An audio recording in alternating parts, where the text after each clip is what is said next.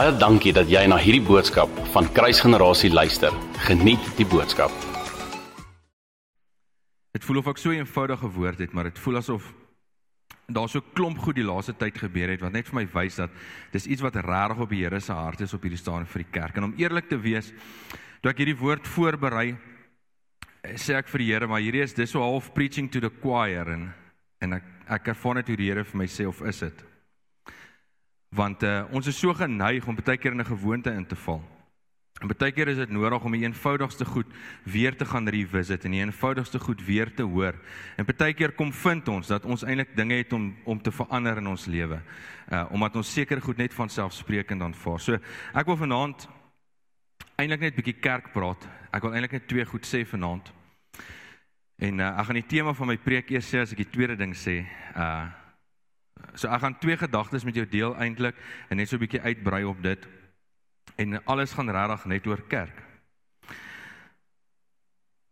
So die eerste ding wat ek wil doen is ek wil hê ons moet bespreek of is dit belangrik om kerk toe te kom? En as dit dan nou so is, hoekom is dit belangrik om kerk toe te kom? En ek het so 'n paar punte gaan uithaal.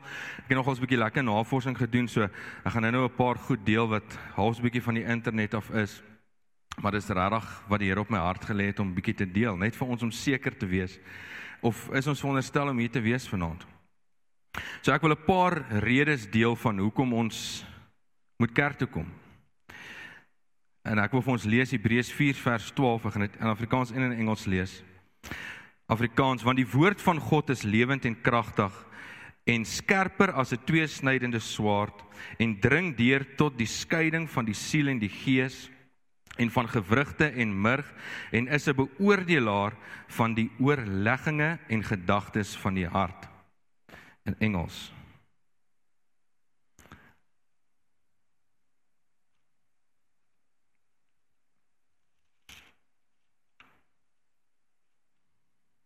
Kan nou kom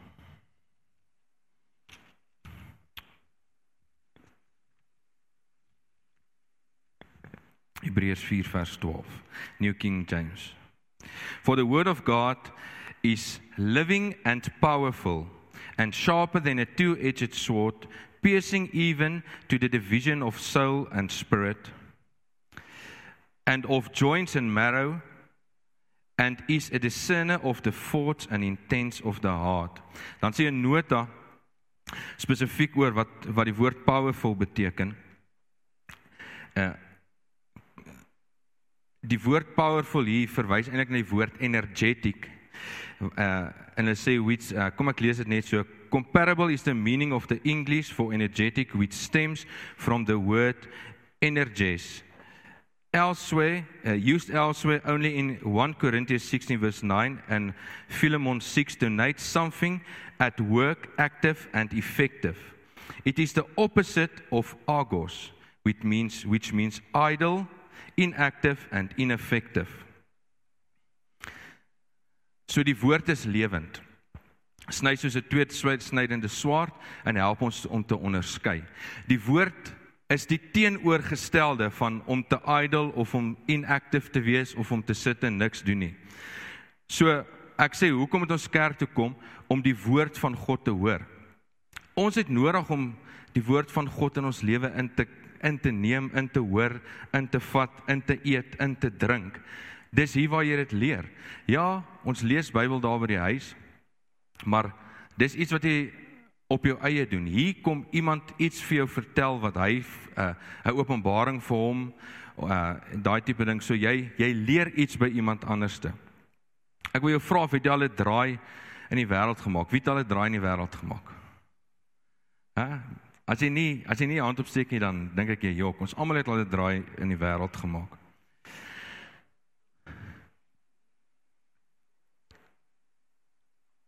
Jy kry iets hier by die kerk wat jy nie in die wêreld kan kry nie. Want jy sien dit wat die wêreld jou bied is vullend, maar dit wat die kerk jou bied is vervullend. So ons soek want ons is honger en ons gryp baie keer na goed wat in die wêreld is en dit maak ons vol, maar dit vervul ons nie. Wanneer jy kerk toe kom, gaan jy iets kom kry hierso wat jou gaan vervul. Dan ook 2 Timoteus 4 vers 2: Verkondig die woord, hou aan tydig en ontydig, weer lê, bestraf, vermaan in alle lankmoedigheid en leerlinge.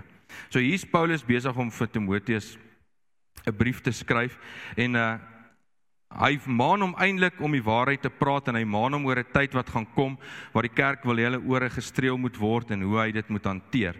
Maar wat ek wil uitlig is die feit dat Paulus besig om vir Timoteus vir Timoteus te verduidelik dat hy 'n woord moet bring, dat hy moet preek.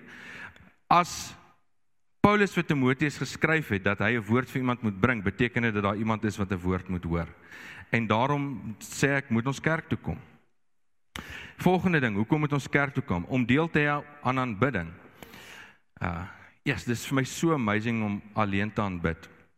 En mense ervaar so iets van die Here en ek kom eerlik te wees, ek is bevoorreg omdat ek 'n instrument kan speel en baie keer as ek daar verby Belinda se studeerkamer loop en ek hoor sy worship en die musiek speel dan dan dink ek, "Jesus, eintlik is ek so bevoorreg want dis amazing om so te worship." Maar wanneer ek met my kitaar gaan sit in my studeerkamer en ek is besig met die Here, kan ek sing net wat ek vir hom wil sing. Ek kan sê net wat ek vir hom wil sê. Maar daar's net iets anderste aan om saam as 'n groep te worship. Dit wat ons vanaand gedoen het, dit wat ons vanoggend gedoen het. Sê Matteus nie waar twee of drie se name is, daar is hy by hulle nie. Ja, hy's by my ook as ek my studeerkamer is, want hy sê ek sal jou nooit begewe en jou nooit verlaat nie. Hy is daar.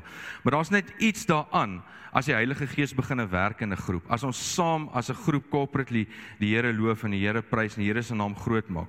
Mens voel die Here beweeg. Jy sien die Here beweeg.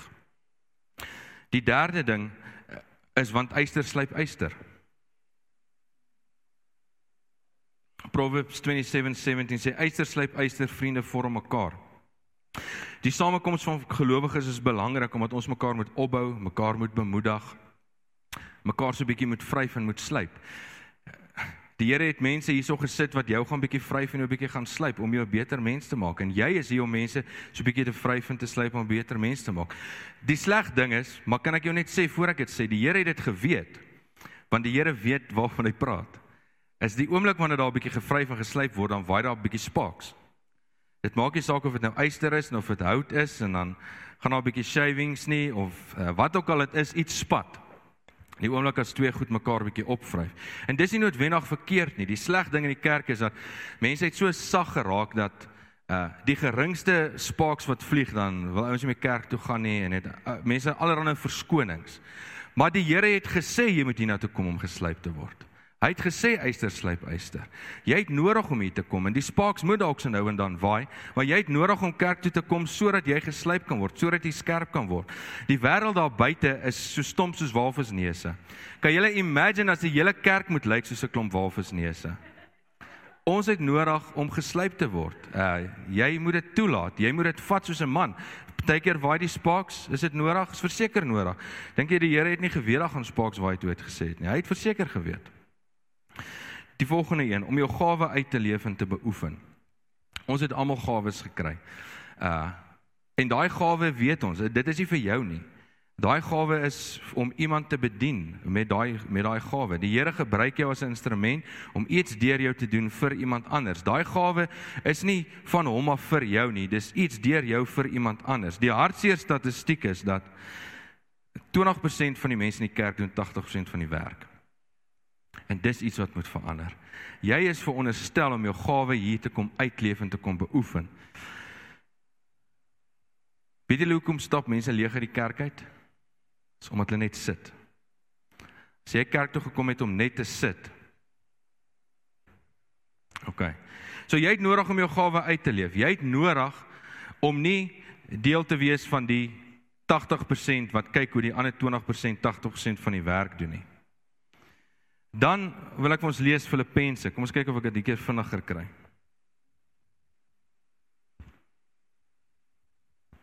Filippense 1 vers 3 tot 7. So die volgende een is to encourage your pastor. Ja, dis hoekom jy moet kerk toe kom.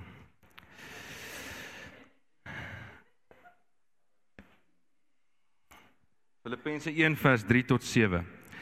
I thank my God upon my remembrance of you, always in every prayer of mine, making request for you all with joy, for your fellowship in the gospel from the first day until now, being confident of this very thing, that he who has begun a good work in you will complete it until the day of Jesus Christ.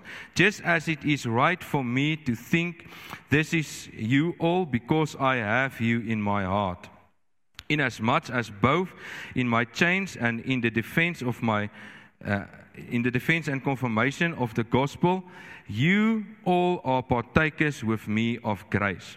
So Paulus skryf hierso aan Filippus aan uh, uh aan die kerk van Filippus, is mos Filippus, ja. En hy deel sy dank vir dit wat hulle wat hulle die goeie werk wat hulle doen. Ek wil vir jou sê die goeie werk wat jy in die kerk doen, gaan die pastoor bemoedig. As jy iets iets in die kerk doen tot uitbou van die koninkryk, bemoedig jy die pastoor. Dit eh, gaan onmoontlik nie vir 'n pastoor goed en lekker wees om hier te wees elke Sondag en te sien hoe die kerk net sit nie en niks doen nie. Die oomblik wanneer jy iets doen vir die koninkryk, is jy besig om jou pastoor te bemoedig en dis hoekom jy moet wees. Hy het nodig om bemoedig te word. Om goddelike mentorskap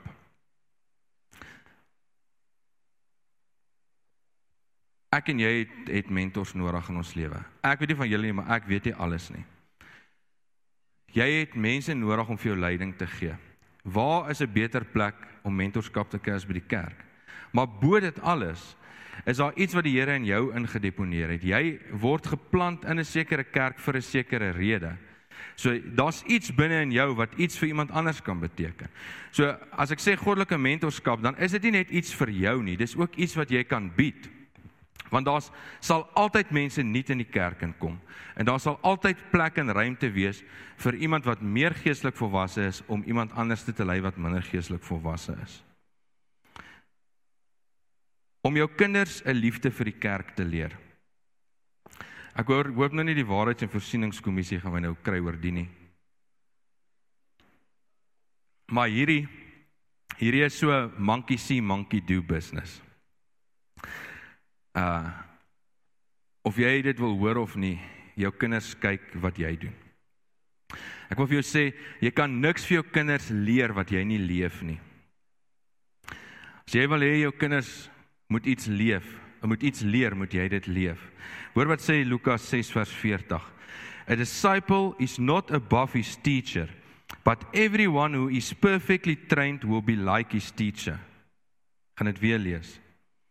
A disciple is not above his teacher, but everyone who is perfectly trained will be like his teacher.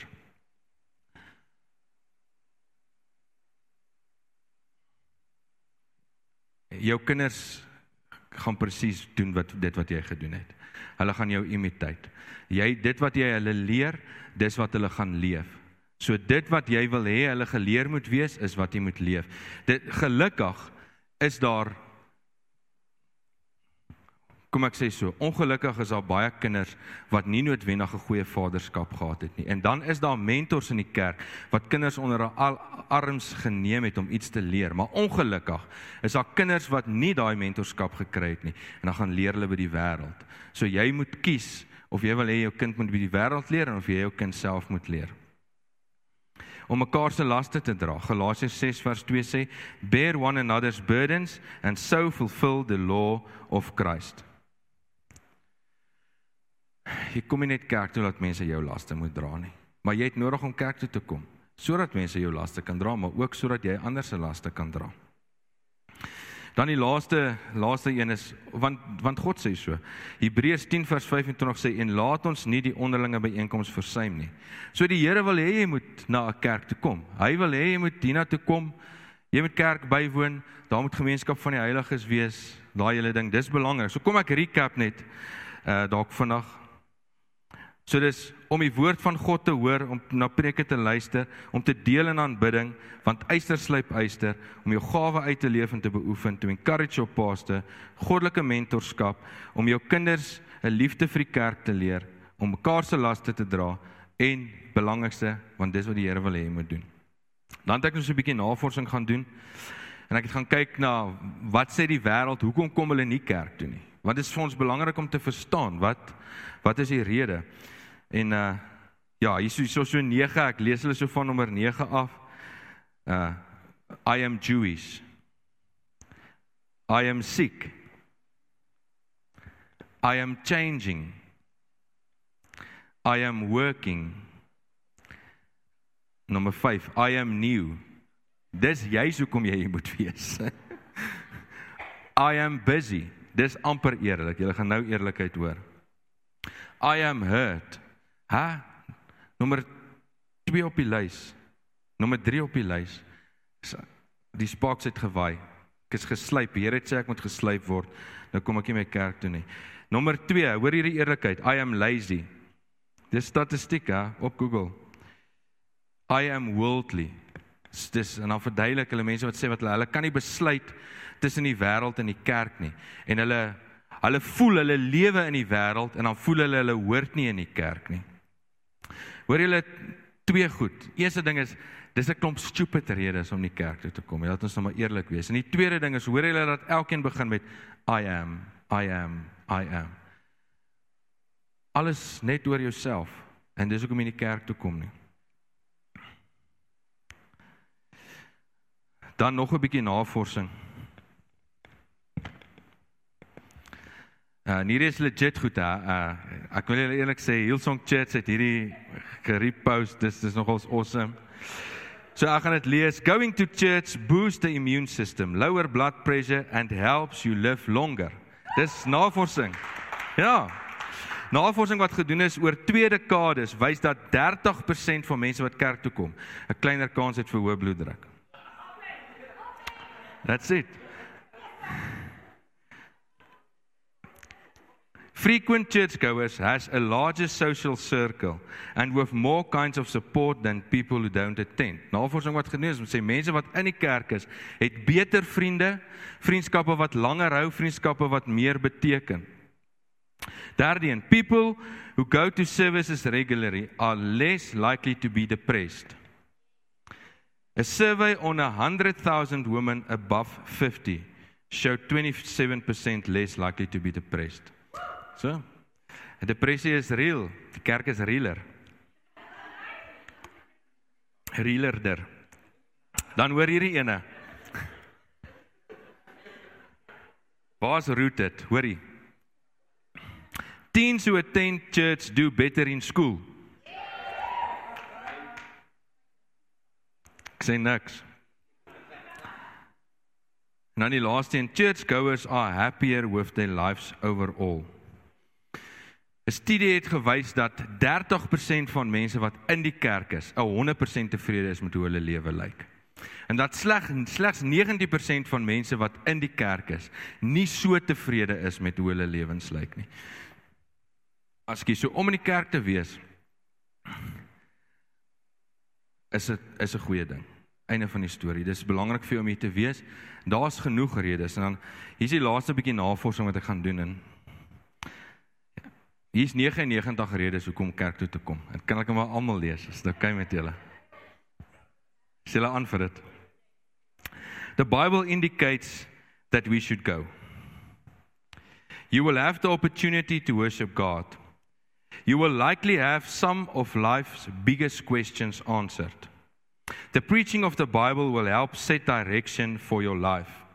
You will probably make some new friends. You will probably see some old friends. Being there is a sign of your discipleship. Being there will encourage your pastor and leaders. Told you so. You'll be encouraged in your walk with God. You'll likely encourage other people in their walk with God. If you are single, you may meet someone. Is van hulle onder ons.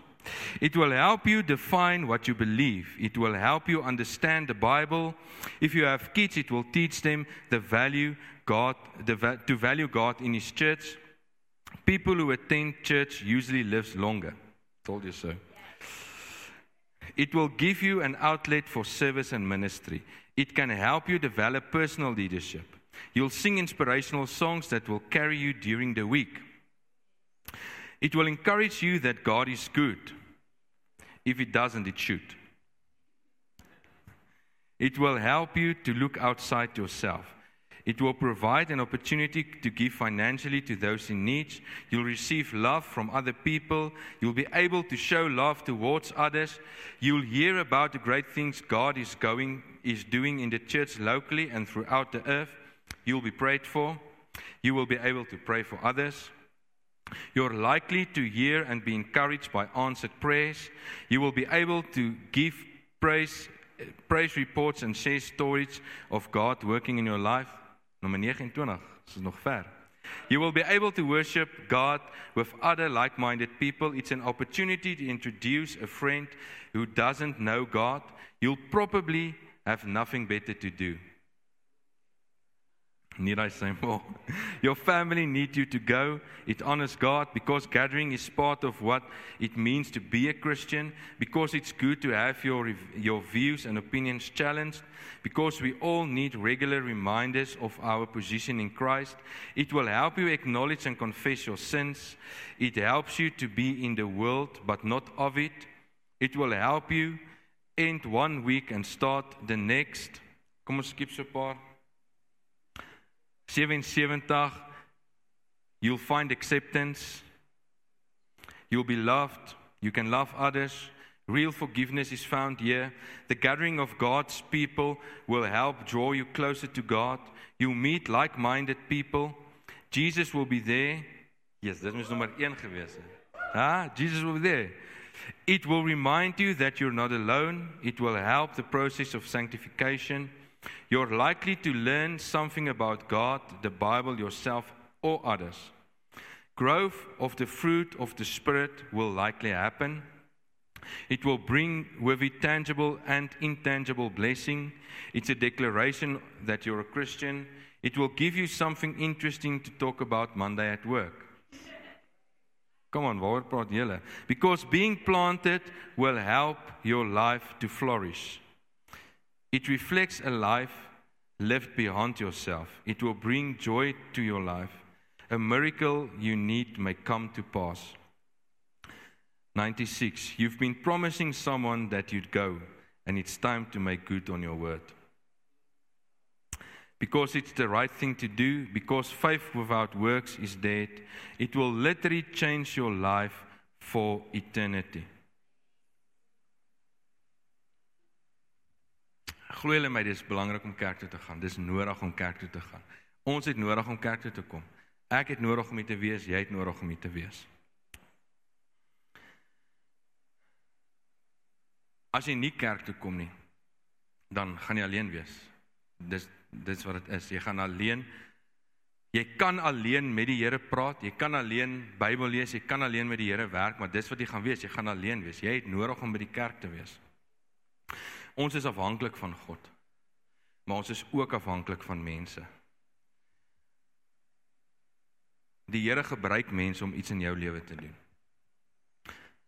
Die Here gee vir mense sekere gawes om iets in jou lewe te doen. As jy in jou sitkamer sit en kerk gaan, hoe gaan dit gebeur? Jy het nodig om hier te wees. En dit bring my by die by die tweede ding wat ek wil oorgesels vanaand. Daai was die eerste ding om te sê dis belangrik vir hom hier te wees. Die tema van my preek eintlik en dan net die tweede ding is stop going to church. Dis bietjie kontrasterend, nê. Nee.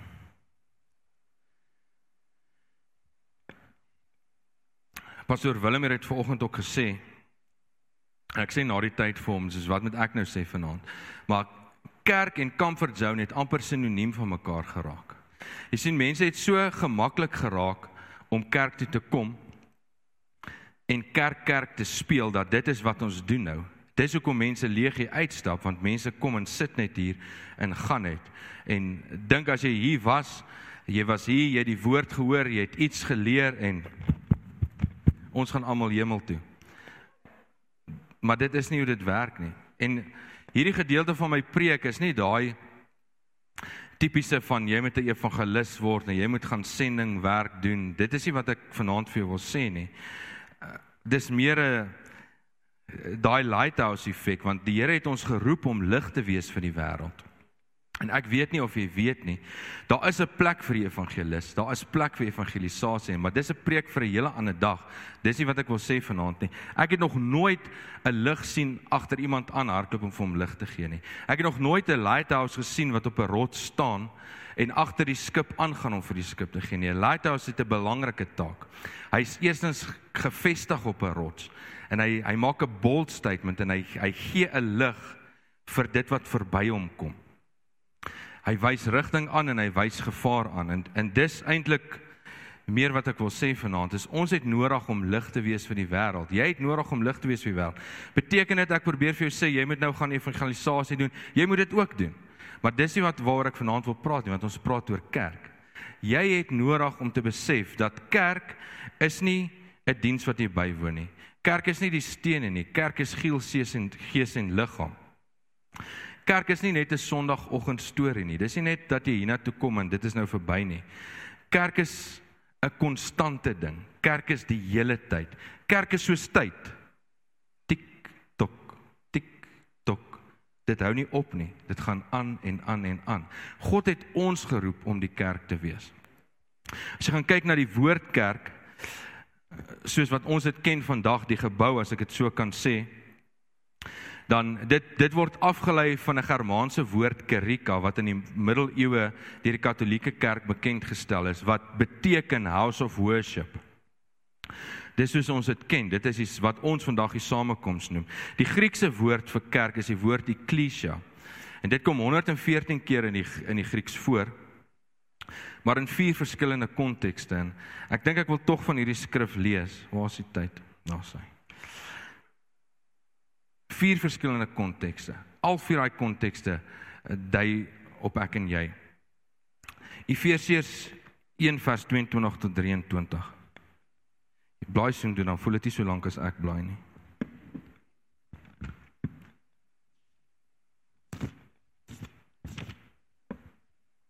Efesiërs 1 vers 22 tot 23.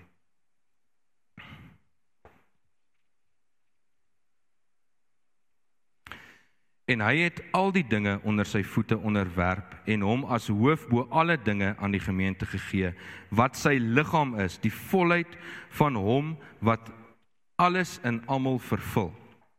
So dit verwys verwys na die liggaam. Ek is onhandig sien julle. Dit verwys verteenwoordig die liggaam wat Christus wêreldwyd uh verteenwoordig. Jy sien ook dit in Matteus 16 vers 18. Kom ons gaan soheen toe ook.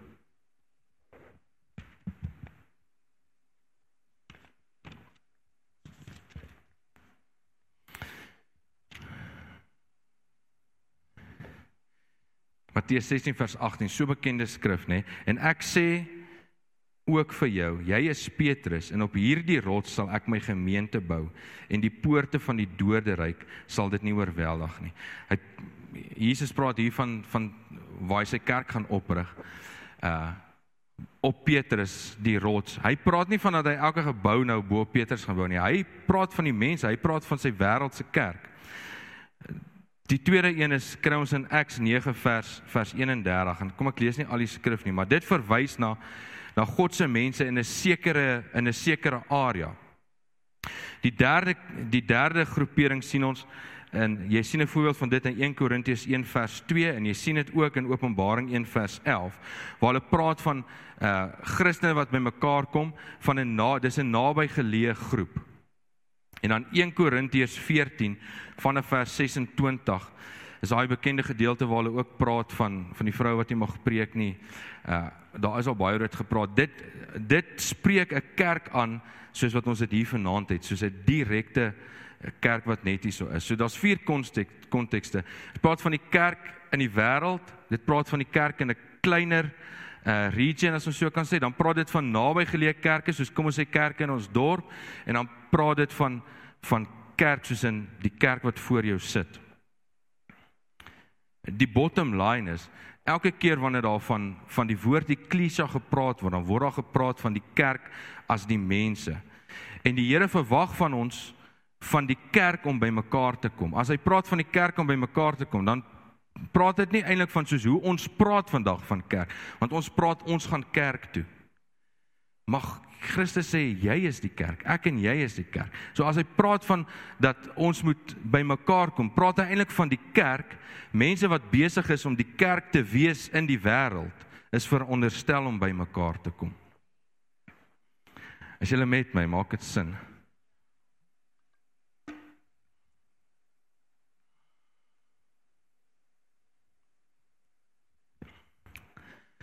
Dit is maklik om kerk te speel. Uh, yes. Ja, gaan dit sê. Uh Jy hoef net twee sondae hiernatoe te kom, dan weet jy presies wanneer moet jy jou hande opsteek, vir wie moet jy waai, vir wie moet jy hallo sê, vir wie kan jy vir my waar kry ek koffie? Waar piepie jy? Uh dis wat dit is. Dis maklik om kerk te speel, julle. Dis maklik om al die regte geleide te maak en dan stap jy uit en wat dan? Dis die kerkie. Dis kerk speel. Ons is veronderstel om kerk te wees. Jesus het ons geroep om sout en lig te wees. So hy het ons geroep om getuie te wees. Om te getuig van die feit dat Jesus leef, te getuig dat hy steeds red, om te getuig dat Jesus terugkom. Die ouens wat kerk toe kom, weet dit. Getuig van sy goedheid, getuig van hoe om te lewe. Hoe getuig jou lewe wanneer jy uitstap? Want meer belangrik as dit, hoe getuig jou lewe wanneer jy hier instap? Want as jy nie 'n kerk in die wêreld kan wees nie, hoe gaan jy kerk in die kerk wees? Dis hoekom 20% 80% se werk doen. Omdat 80% in die kerk sit, maar nie kerk is nie. Baie dankie dat jy na hierdie podcast geluister het. Indien jy die boodskap geniet het, deel hom asseblief met jou vriende.